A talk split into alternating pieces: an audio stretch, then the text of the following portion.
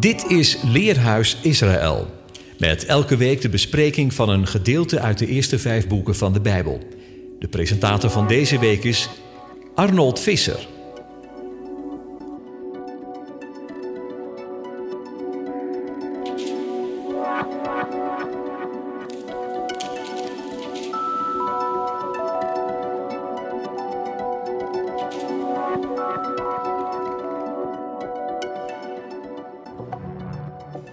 Beste luisteraars, hartelijk welkom bij weer een uitzending van het Leerhuis.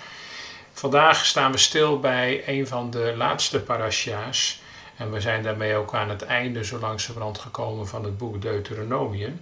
Het is de parasha Vayelech. Met 30 versen de kortste parasha uit de Torah-lezingen. Soms wordt de parasha apart gelezen, zoals vandaag. Maar hij wordt ook wel eens samengevoegd met de parasha van vorige week, Nitzavim. De lezing van de parasha valt meestal op de Shabbat tussen Rosh Hashanah, het Joods nieuwjaar, en Yom Kippur, Grote Verzoendag. Deze Shabbat heeft de naam Shuvah, die daar dus precies tussen ligt. En dat houdt verband met de profetenlezing van Hosea 14, 2 tot 10, want dat begint daarmee. Het woord Shuvah betekent een oproep tot inkeer en een terugkeer naar Hashem. De tien dagen vanaf Rosh Hashanah tot en met Yom Kippur worden ook wel de tien dagen van terugkeer genoemd, of de tien geduchte of hoogheilige dagen. De parasha Vayeslech en hij ging begint met de mededeling dat Mozes 120 jaar oud is geworden en zijn laatste dag is aangebroken. Hij zegt dat het volk sterk en dapper moet zijn, omdat de ene met hen is. Vervolgens ontvangt Jozua de zegen. De zegen wees sterk en vastbesloten, want jij, jij zult met deze gemeente komen in het land dat de ene aan je vader heeft gezworen hun te geven, en jij zult het hen toedelen. Mozes schrijft de Torah ten einde, geeft deze aan de priesters en draagt op die eens per zeven jaar aan het hele volk voor te lezen. De eeuwige voorspelt Mozes dat het volk zich van hem zal afkeren na zijn dood. Verder krijgt Mozes de opdracht een lied tot getuigenis te schrijven, net zoals dat de Torah in de ark van het verbond gelegd moet worden. Vervolgens moet heel het volk bijeenkomen om naar het lied te luisteren. Wanneer we kijken naar de hoofdtekst van Deuteronomium 31, 1 tot 3, dan staat daar dan gaat Mozes heen, waar je legt, en hij spreekt deze woorden, Devarim, uit tot heel Israël. Hij zegt tot hen, een man van 120 jaar ben ik vandaag. Ik zal niet langer in staat zijn uit te trekken en thuis te komen. De ene heeft tot mij gezegd, jij zult deze Jordaan niet oversteken. Op onze hoofdtekst geeft Rashi het commentaar dat we ik kan niet meer uittrekken of thuiskomen het niet moeten koppelen aan verminderde lichamelijke kracht bij Mozes, want de schrift leert dat Mozes zijn oog niet was verduisterd en zijn kracht niet was geweken. De betekenis ligt in het feit dat het leiderschap van hem was afgenomen door de ene. Het eerste vers geeft aan dat Mozes die woorden uitsprak op zijn geboorte, maar tevens op zijn sterfdag. Hij zegt tot hen, een man van 120 jaar ben ik vandaag. En vandaag zijn mijn dagen en jaren tot volledigheid gekomen. Want op deze dag, de zevende Adar, ben ik geboren en op deze dag zal ik moeten sterven. Kijken we terug naar het leven van Mozes, dan valt het op dat de 120 jaar in te delen zijn in drie periodes van 40. 40, het getal dat hoort bij de letter Mem, de dertiende uit het alfabet. Dit geeft periodes aan van 40 jaar en 40 is een getal met een bijzondere symbolische betekenis. We zien het op diverse plaatsen terug in de schrift. Het getal 40 staat onder andere voor water, Mayim. Het golvende streepje bovenaan de mem kan u eraan herinneren. Water is een symbool van de Torah en we zien het ook terug in de betekenis van Mozes zijn naam. Uit het water gehaald. Maar ook de betekenis die aan Mozes wordt toegeschreven, kind van, is prachtig symbolisch wanneer we daarachter zetten, kind van de Allerhoogste. Veertig jaar verbleef het volk in de woestijn. Veertig dagen moesten de Israëlieten wachten totdat Mozes afdaalde met de Torah. Overigens was Mozes drie keer veertig dagen op de Sinaï. waarvan de laatste periode eindigt op de tiende Tisri, grote verzoendag. Volgende week is dat weer aanstaande.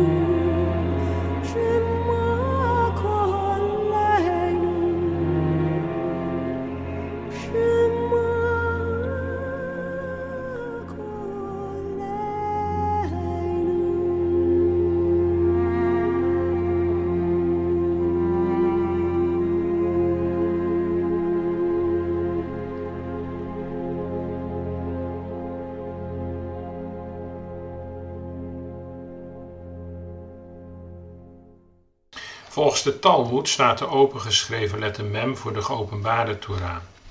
De gesloten mem staat voor de verborgen betekenissen die door de Messias geopenbaard zullen worden. In het menselijk leven zien we het getal 40 ook terug. Bijvoorbeeld de 40 dagen na conceptie. Er sprake is van het begin van een foetus en 40 weken zwangerschap. En zo zijn er nog veel meer voorbeelden te geven. Allemaal voorbeelden van een voorbereiding op iets. Zo ook in het leven van Mozes. Tot 40-jarige leeftijd identificeerde Mozes zich met de Hebreeërs en groeide hij op aan het Egyptisch Hof. Na het doden van een Egyptenaar, waarbij hij opkwam voor zijn volk, moest hij vluchten naar Midian. Van 40 tot 80 jaar was hij schaapherder en vanaf die tijd keerde hij terug naar de Israëlieten om ze uit Egypte te leiden. Deze laatste 40 jaar waren absoluut tijden van testen en beproevingen. Nu is hij 120 geworden, 3 maal 40 en zijn leven is voleindigd. Hij mag zijn aardse taak overdragen aan Joshua, de nieuwe leider, een schaduwbeeld van Yeshua. Afgelopen maandagavond, 6 september 2021, begon Rosh Hashanah, het Joods nieuwjaar, te weten het jaar 5782. Deze viering op de eerste twee dagen van de zevende maand Tisri is ook wel genaamd hoofd van het jaar, Yom Teruah, en de dag van bezuingeschal genoemd. De viering sluit ook aan bij hetgeen we over Mozes hebben gelezen. Het einde van zijn aardse bediening is aanstaande en hij mag gaan uitkijken naar het beloofde land. Aan het eind van zijn leven waarschuwt hij nog het volk en spreekt hij de zegen uit. Twee passende gebeurtenissen bij het einde en aanvang van een nieuw jaar. Een terug- en een vooruitblik. Kijken naar dingen die fout zijn gelopen, waarbij het doel niet is gehaald. En hoe daar veranderingen kan worden aangebracht. Bijzonder is dat de ene al aan Mozes vertelt dat het volk na zijn dood hem niet trouw zal blijven. Wat voor het volk opging, zien ook wij terug in ons eigen leven. Het voornemen is er om de Heer in alles te volgen en trouw te blijven. Echter, ons willen en denken blijft onvolkomen. Maar gelukkig mogen we altijd zien op diegene die verlossing heeft gebracht en weten we daardoor dat we zicht op toegang tot de Heer blijven houden. Dat lezen we ook in hetgeen de ene tot Mozes zegt. De ene zei tot Mozes: Zie, u zult met uw vaders rusten, en dit volk zal opstaan en zal andere goden van de vreemdelingen van het land achterna gaan. En zij zullen mij vergeten en mijn verbond breken dat ik met hen gesloten heb. En ik zal dan mijn gezicht verbergen. Door de ontrouw van het volk zal de Heer zijn gezicht verbergen. Precies het tegenovergestelde van wat we terugzien in de Aaronitische zegen. De Heere zegen u en hij behoede u. De Heere doe zijn aangezicht over u lichten en zij u genadig. De Heere verheft zijn aangezicht over u en geven u vrede.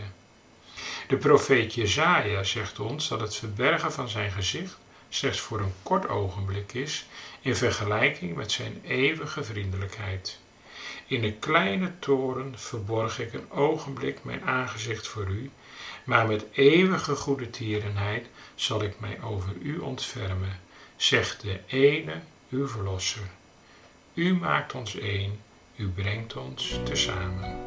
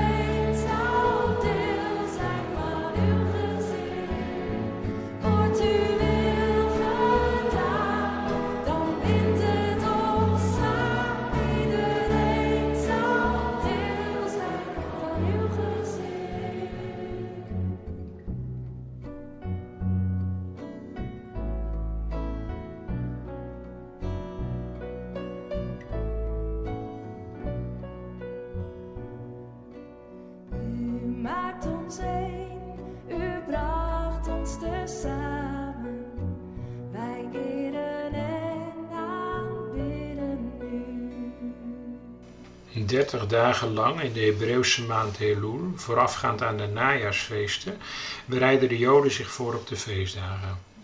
Iedere ochtend van deze bijzondere maand horen ze het geschal van de shofar, de ramshoorn. En daarmee worden ze eraan herinnerd dat het een bijzondere tijd is en dat een heilige periode op het punt staat aan te breken. Ieder morgen denken zij in hun gebeden na over hun gedrag van het afgelopen jaar. Vragen vergeving aan een ieder die zij misschien hebben gekwetst. En als ze wellicht onbewust iemand hebben gekwetst, vragen ze voor alle zekerheid vergeving aan ieder die zij kennen. Er worden kaarten toegestuurd met goede wensen, dat het een Shana Tova, een goed en zoet nieuwjaar mag zijn, maar ook een Gatima Tova, dat je naam mag opgeschreven staan bij de eeuwige voor een goed nieuwjaar. Als Elul voorbij is, begint de maand Tishri. De eerste tien dagen van Tishri staan bekend als hoogheilige dagen. Dit zijn de belangrijkste dagen van het Joodse jaar. De eerste twee dagen is het Rosh Hashanah, het Joods nieuwjaar. De rabbijnen zeggen dat Rosh Hashanah de geboortedag van het universum is en de dag waarop Adam en Eva zouden zijn geschapen. Rosh Hashanah opent niet alleen een nieuw kalenderjaar, maar wordt ook Yom Hadin genoemd de oordeelsdag. De laatste van de tien hoogheilige dagen is Yom Kippur, grote verzoendag. De dagen ertussen zijn dagen voor inkeer, een van de belangrijkste geestelijke processen binnen het Jodendom, het doen van Teshua, inkeer en bekering. Volgens de Joodse overlevering bestaat er in de hemel een symbolisch boek waarin alle daden van de mens staan opgeschreven. Aan de ene kant de goede en aan de andere kant de slechte daden. Op Rosh Hashanah kijkt de Eeuwige in dit boek naar het gedrag van iedereen afzonderlijk in het afgelopen jaar. De volle tien hoogheilige dagen blijft het hemelsboek geopend. Een ander aspect is dat op Rosh Hashanah de episode wordt gelezen van het offer van Isaac. En wanneer de shofar klinkt, dan denkt men terug aan Abrahams grote geloof dat hij in de ene had om hem zo ver te volgen. Rosh Hashanah kenmerkt zich ook door allerlei interessante gebruiken. Het speciale feestbrood, de gala, dat gewoonlijk de vorm van een vlecht heeft, wordt ter ere van deze feestdag rondgebakken, zoals het huisje van een slak. Dat herinnert de mensen eraan dat het jaar een kringloop is. Een ander gebruik is het eten van zoetigheid, zoals stukjes appel of gala gedoopt in honing.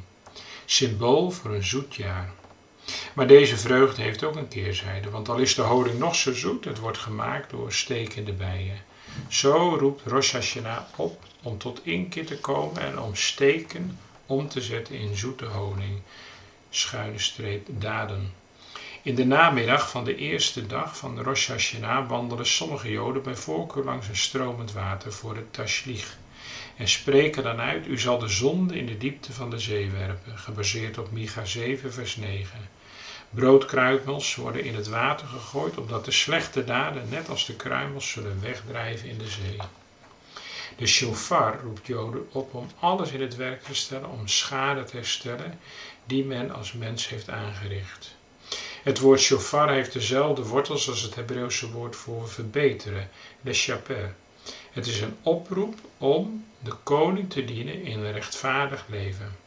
Het is dan ook geen toeval dat koning David, ondanks zijn zonde, als rechtvaardige werd gezien en met een onbreekbare horen is gezalfd.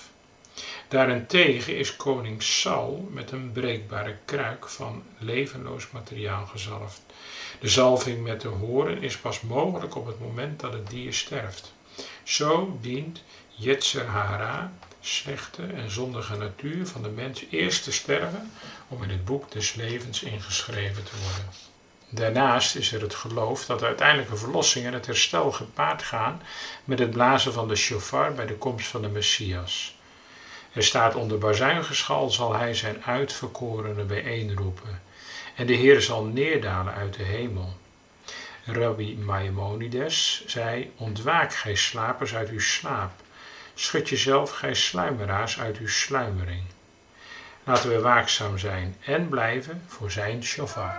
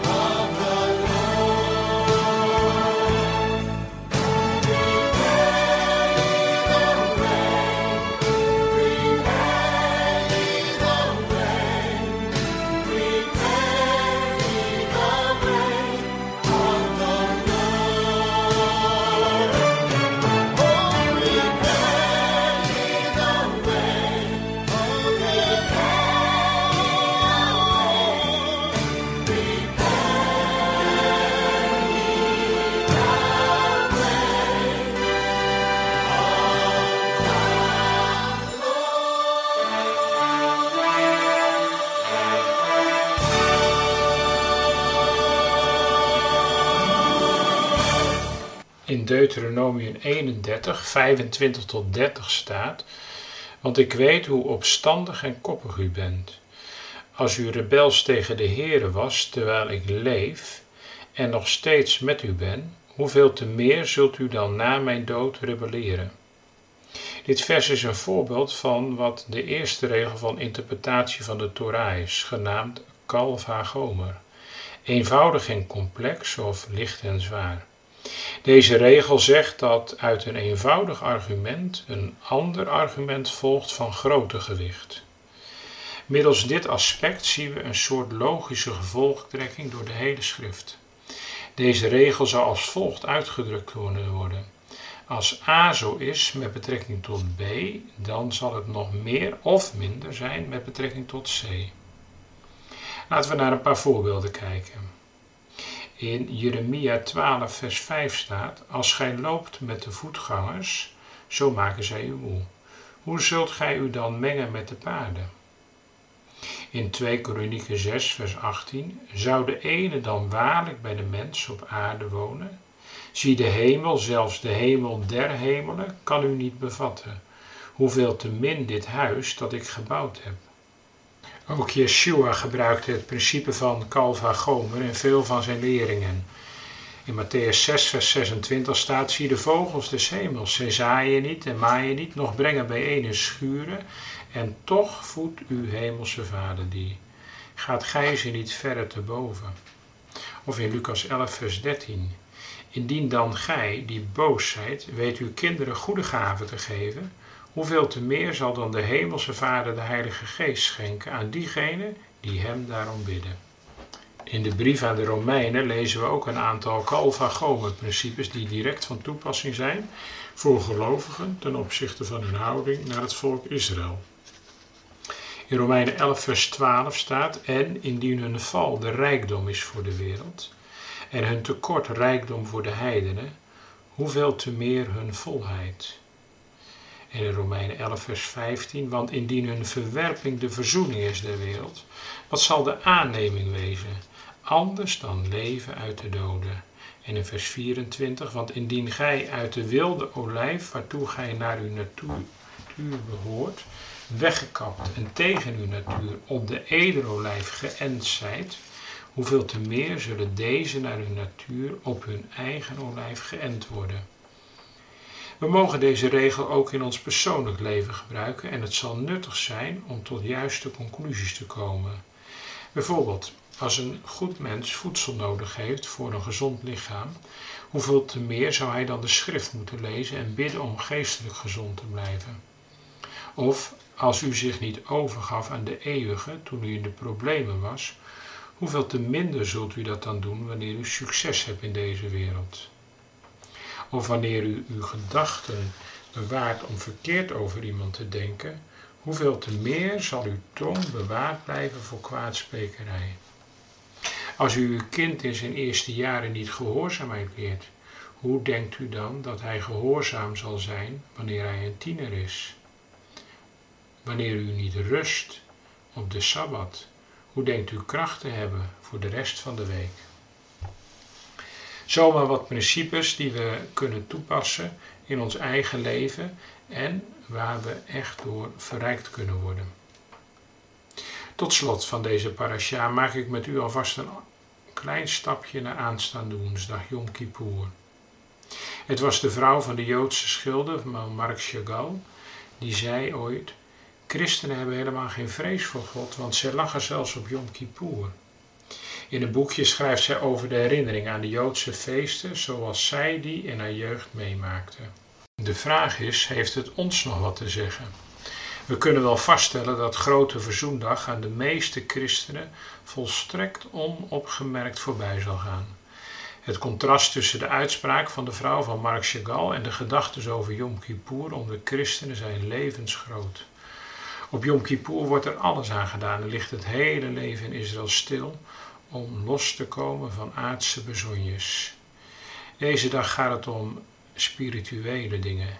Niet werken, niet eten, niet drinken, niet douchen, enzovoort, enzovoort. In plaats daarvan naar de shul en wordt het boek Jona gelezen. Er worden gebeden opgezegd, er wordt vergeving gevraagd. We zijn schuldig, we zijn ontrouw geweest. We hebben allerlei dingen verkeerd gedaan. We hebben slechte dingen gedaan en zo wordt op Grote Verzoendag gevast en je belooft alles anders en beter te gaan doen. De hele dag concentreer je op je relatie met de ene. En dan, aan het einde van Grote Verzoendag, begin je met een schone lei. Daar gaat het dus naartoe, met een schone lei opnieuw beginnen. En daar hebben we allemaal vaak behoefte aan. En de Almachtige wil ons en is ons door zijn zoon Yeshua daarin tegemoet gekomen. Bekering brengt een totale verandering. Een zondaar die zich bekeert is geliefd en kostbaar voor de ene alsof hij nooit gezondigd had. Zijn loon zal groot zijn, want hij heeft de zonde geproefd en zich daarvan afgekeerd. Hij heeft de kwade neiging overwonnen. Teshua is zo ingrijpend dat diegene die tot bekering gekomen is, meer is dan wie nooit gezondigd heeft. In de Talmud staat dat Rabbi Abahu, hij zei, op de plaats waar berouwvolle zondaars staan, kan zelfs de volmaakte rechtvaardige niet staan. Zoals gezegd is, een vrede, vrede voor hem die ver en voor hem die nabij is. Eerst voor hem die veraf en daarna pas voor hem die nabij is. Bekering en verzoening is iets van de mens en de eeuwige samen. Zo is er een verhaal dat wel wat lijkt op de gelijkenis van de verloren zoon. Er was eens een zoon van een koning die zo verwijderd was van zijn vader dat hij minstens honderd dagen reistijd nodig had om terug te keren. Zijn vrienden zeiden tegen hem: Keer terug tot je vader. Hij antwoordde: Ik kan niet. Toen zond zijn vader hem een boodschap: Reis zover je kunt, en ik zal de rest van de weg tot jou komen. Zo zegt de heilige: Geprezen zij hij, keer u tot mij, en ik zal mij tot u keren. Bekleed u dan uitverkorene van de enige, heilige en geliefde, met innige gevoelens van ontferming, vriendelijkheid, nederigheid, zachtmoedigheid en geduld. Verdraag elkaar en vergeef de een de ander. En als iemand iets tegen u heeft, een klacht heeft, zoals ook Christus u vergeven heeft, zo moet ook u doen. Beste luisteraars, ik wens u een hele goede Shabbat Shuva. Shalom.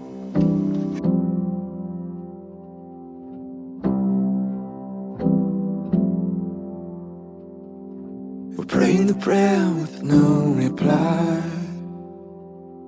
Bullets float off into the night. Couldn't cut our time with the sharpest knife. God, forgive us. Silence isn't comfortable. We won't drive through peace and instant hope. Our shallow faith that has left us broke.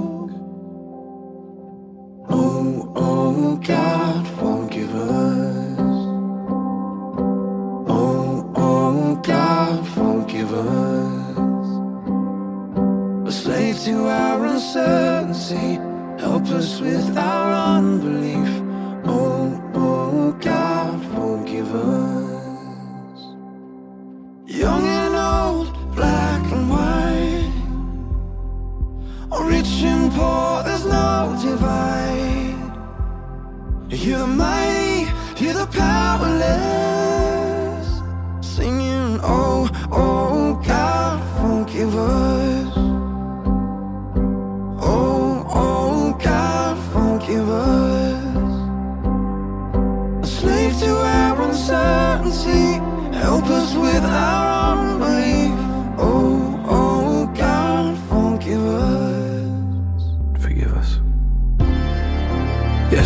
ignored you.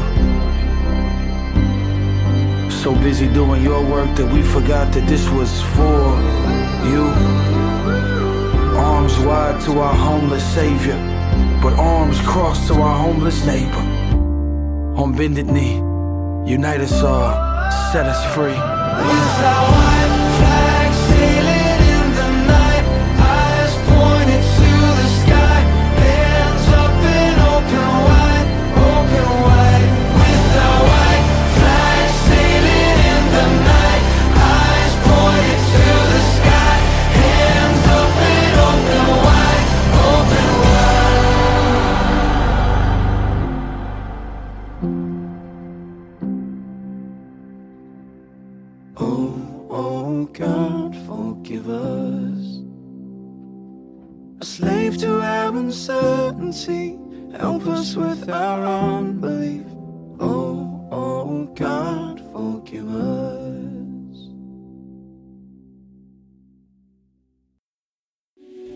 U luisterde naar het programma Leerhuis Radio Israël.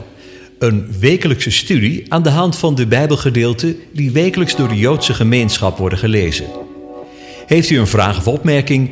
Stuur dan een e-mail naar info-apenstaatje radioisrael.nl. Het leesrooster vindt u op onze website.